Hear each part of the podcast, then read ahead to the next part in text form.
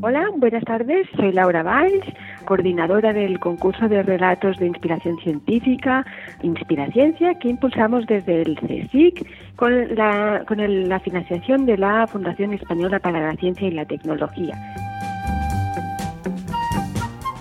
¿Quién puede participar? Pues puede participar todo el mundo que esté interesado en, en, escribir una historia de ciencia y a partir de, de, 12 años, es decir, hay dos categorías, una joven ah, de 12 a 17 años y adulto a partir de 18 años.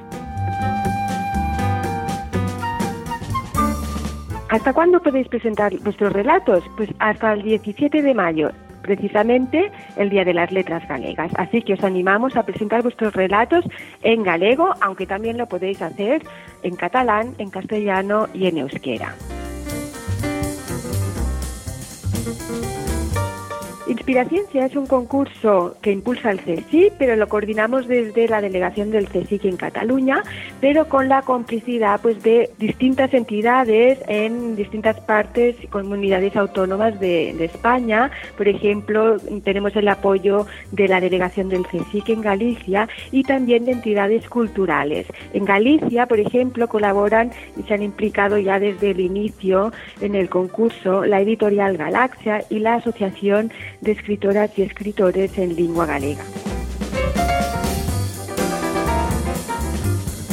Inspiración ya no es solo los relatos, ¿no? También eh, se, se, interesa, ¿no? Por las relaciones de la ciencia en la literatura que han tenido a lo largo del tiempo y para ello, pues, se organizan en distintas ciudades uh, un ciclo de charlas para explorar las, las distintas facetas de, estas relaciones, ¿no?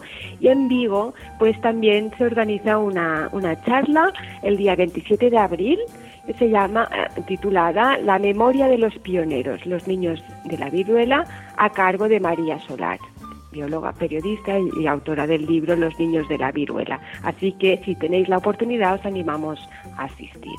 Nesta edición efervescente estamos a escoitar algúns dos relatos gañadores en edicións anteriores de Inspiraciencia, na modalidade de galego. Relatos de Enrique Neira, Nacho Munilla ou José de la Sota, que dramatizamos no seu día en Efervesciencia.